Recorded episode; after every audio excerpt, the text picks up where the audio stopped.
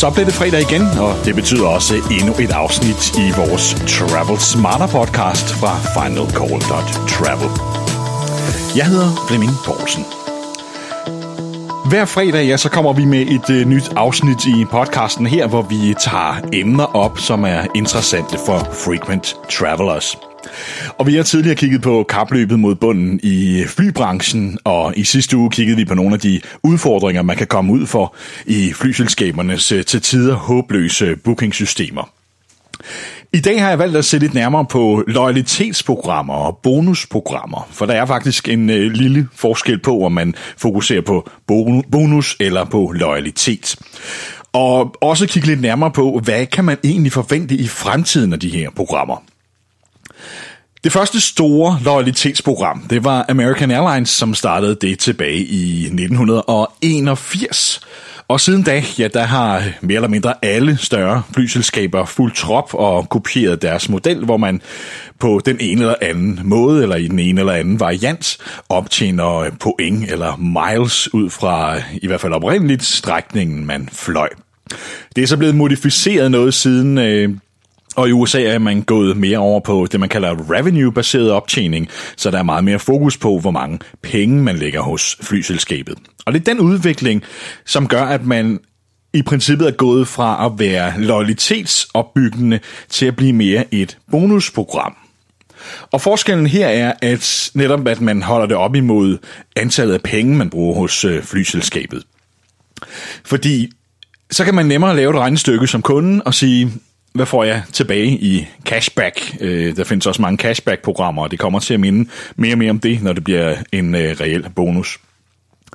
Så kan man bedre lave regnestykket og gennemskue, om det kan betale sig.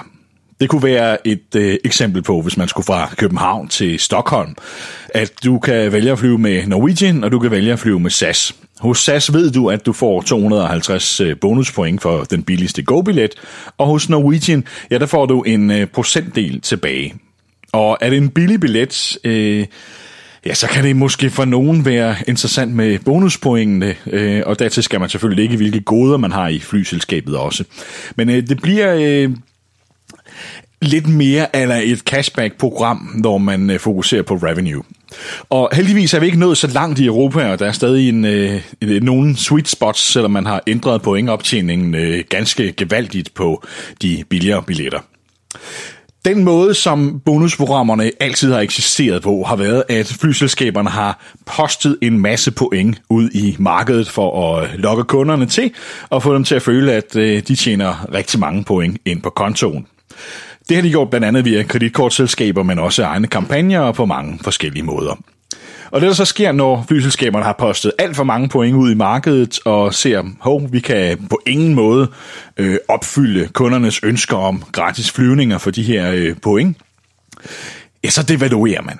Og det betyder, at det altid har været en katten efter musen leg, de her bonusprogrammer, at man uddeler en masse point fra flyselskabernes side og, øh, og virker sexet på den øh, konto, og når øh, man så har øh, uddelt for mange, ja, så øh, devaluerer man.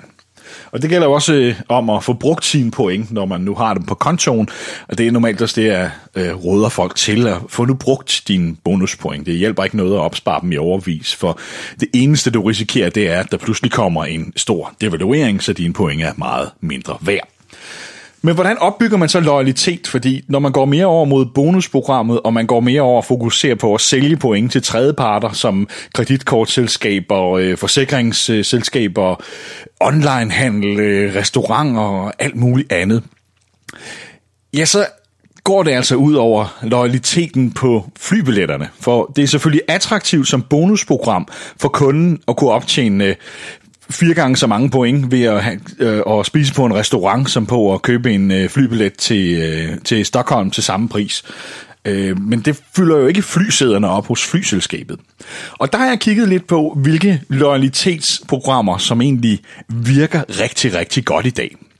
Og kigger vi på øh, til USA, ja, så har vi øh, en kæmpe spiller derovre, som hedder Amazon, det har vi for den sags skyld også i Europa, men det er i USA, de virkelig har slået an med deres Prime-medlemskab. Og det er ret interessant, for det er en helt ny måde at se loyalitetsskabende programmer på.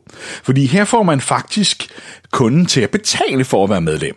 Det koster omkring 100 dollar om året at være medlem, men ikke desto mindre, så viser tallene jo hos Amazon, at en Prime-kunde bruger minimum, eller omkring dobbelt så meget på siden hvert år, som en ikke-Prime-kunde.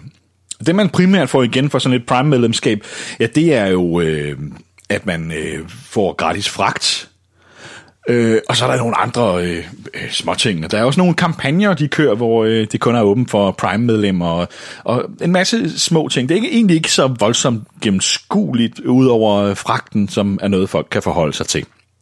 Og det fik mig til at tænke på, om den her model kunne gå i flybranchen også. Og der tænker jeg, kan man få de mest trofaste kunder til at betale for et medlemskab hvert år, hvor kunden får mere igen end det, han betaler. Så kan det blive interessant. Og det skulle ikke nødvendigvis være en erstatning for de nuværende systemer, men man kunne i hvert fald flytte dele derover. Det kunne være, at øh, medlemmer fik bedre tilbud. Det kunne øh, være, at man fik bedre adgang til at tage bonusbilletter ud. Det kunne være, at man fik en bedre pointoptjening, når man fløj. Der kunne være mange måder. Det kunne også være gebyrerne, som flyselskaberne har mudret øh, hele prisbilledet til med igennem de senere år, som har gjort det ekstremt uoverskueligt at være flykunde i dag.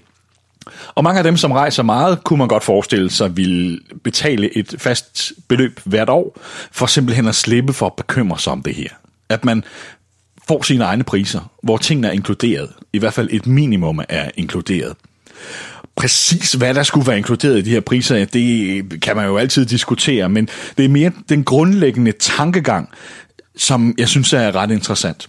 Og specielt hvis man måske kombinerer det med en pointoptjening, hvor man for eksempel, som jeg nævnte før, kunne få bedre adgang til at booke bonusrejser, og man følte, man fik mere ud af de point, man ellers optjener på alle sine rejser. Og jeg kunne godt forestille mig, at det var sådan noget her, der kunne være vejen frem for flyselskaberne. Fordi det er ikke nogen hemmelighed, at efter de blev øh, introduceret i løbet af start 80'erne, de store bonusprogrammer, så udover nogle små justeringer undervejs, og, og devalueringer og ændringer og tilføjelse af nogle tredjeparter, og, og hvor man kan tjene point og så videre, altså er det jo ikke sådan noget større grundlæggende, der er ændret i de her programmer. Og nu er flybranchen jo heller ikke kendt for at være voldsomt innovativ.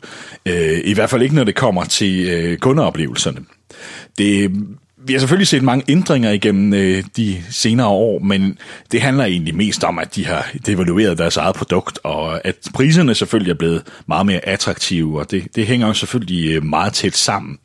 Men vi har ikke rigtig set nogen komme på banen med noget, som er nytænkende. De har justeret produkter, og de har primært skåret ned, men der er ikke rigtig kommet nogen frem, som har tænkt nyt. Der kan man selvfølgelig argumentere for, at det, det gjorde lavprisselskaberne jo, da de kom på banen, men de har også udviklet sig i en retning, hvor ja, i dag ligner de fleste flyselskaber jo hinanden mere og mere, og specielt efter de traditionelle også er begyndt med at øh, have gebyr for øh, alt, man skal have ekstra, i hvert fald på mange af deres billetter. Så der er ikke den store forskel på flyselskaberne i dag, i hvert fald ikke, når man flyver på kortruterne. Og der kan bonusprogrammerne jo være interessante. Og det undrer mig lidt, at der ikke er flere, som har kigget i retningen af Amazon, fordi de er uden sammenligning et af de mest succesfulde selskaber i verden. Vi ser i USA, hvor de mere eller mindre øh, sidder på meget, meget store dele af detailhandlen. Vi har store butikskæder og store shoppingcentre, som lukker afdelinger, fordi folk ganske enkelt er begyndt at handle online. De har overtaget store dele af, af dagligvarerhandlen, også med deres øh, Amazon Fresh, hvor man kan bestille sine øh, dagligvarer, øh, endda via deres eget øh, device med, med Alexa. Og så kommer det bare til din dør. Og det gør alt andet lige livet ekstremt meget lettere. Og kigger man på priserne på Amazon, så er det jo ikke fordi, at de nødvendigvis er billigere men det er enormt meget mere convenient at handle på den måde, fordi alt hvad de gør, har de kundens oplevelse i fokus. Og her tænker jeg lidt, det kunne flyselskaberne i hvert fald lære noget af. Når vi, øh, hvis du, jeg ved ikke, om du lyttede med på vores øh, podcast i sidste uge, hvor vi var inde på, hvor besværligt en proces det var at få valgt sæder på en rejse til USA. Øh, og det tog jo nærmest en hel dag, øh, og tre telefonopkald og besøg på tre forskellige hjemmesider, og og det er jo ikke noget, som fordrer, at kunden får en øh, god oplevelse, når man øh, bestiller en vare. Og sådan noget kan Amazon. Kundeservice og kundeoplevelse er de verdensmestre i. Og det beviser jo det faktum, at i stedet for at give folk bonusser, som flyselskaberne gør, en, man kan kalde det en form for bestikkelse for, øh, eller kompensation for, at øh, man er kunden der, så virker det stik modsat på Amazon, at kunderne er faktisk villige til at betale for den her service. Og det synes jeg er meget interessant, at øh, det lykkes for dem. Og faktum er jo, at deres kunder er glade for det. Der er ikke nogen kunder, som øh, brokker sig over, at man skal betale for det her, for det, man får noget for pengene. Og man får, i hvert fald de fleste vil helt klart føle, at de får mere for pengene, end det de betaler. Og det synes jeg er et godt udgangspunkt, som øh, flyselskaberne virkelig kunne lære meget af. Øh, og der skal de selvfølgelig have produktet på plads først og finde ud af, hvad er det, man får tilbage her. Et af de store udfordringer, flyselskaberne har, det er tillidsforholdet til deres kunder, fordi de igennem mange år ikke rigtig har fokuseret specielt meget på det. Jeg tror, de fleste har oplevet situationer, hvor man har fået meddelelser fra flyselskabet, eller svar hos kundeservice, eller meddelelser om forsinkelser, eller et eller andet, hvor man har tænkt, ah, kan det nu være den sande historie? Og sådan noget er heller ikke med til at opbygge en troværdighed og et tillidsforhold til sine, sine kunder. Så kan man arbejde med det, og kan man få opbygget det her tillidsforhold, så kunden rent faktisk tror på, at han får noget ud af at betale et medlemskab, som øh, der selvfølgelig er nogle, nogle goder inde i, ja, så ser jeg det som en stor win-win. Både hvor kunden bliver lojal over for det her selskab, for nu har man jo betalt. Og så skal man også have noget ud af sit medlemskab. Flyselskaberne får en fordel, fordi for det første får de penge for medlemskabet upfront, som de fleste flyselskabers øh, økonomichefer sikkert ville synes var en brandgod idé. Øh, og ja, jeg, jeg har svært ved at se, at det ikke skulle være en win-win situation, hvis man gør det rigtigt, vel og mærket. Og det kommer meget an på, hvordan det sker i praksis. Og jeg vil også mene, at man skulle bibeholde det nuværende system med pointoptjening, men så kunne man til gengæld også der fokusere meget mere på bonusdelen og sælge point til tredjeparter og, og tjene penge på det, for det er en stor guldgruppe for flyselskaberne. Hvordan man så skal håndtere den status, man optjener for flyselskaberne, der er i alliance osv., øh, ja, den ligger måske sådan lidt i en gråzone imellem de to modeller her. Men jeg ser egentlig ikke øh, de store udfordringer i det, for så længe man ligesom får med i sit guldkort, hvad man nu skal have som Starlines Gold, og så kan man så tilkøbe en pakke for at få ekstra med i sit medlemskab. Men ikke andet lige, så øh, kunne det være en, er det en interessant tanke, og jeg er spændt på at se, om der er nogle øh, flyselskaber, der øh, tager, øh, tager stafetten op på et tidspunkt. Øh, fordi efter min overbevisning, så er det måske sådan noget som det her, der skal til. Og vi kan ikke fornægte, at Amazon har været en kæmpe succes. Både økonomisk for firmaet, men også set med kundernes øjne. Og det kunne flyselskaberne virkelig godt trænge til at lære noget af.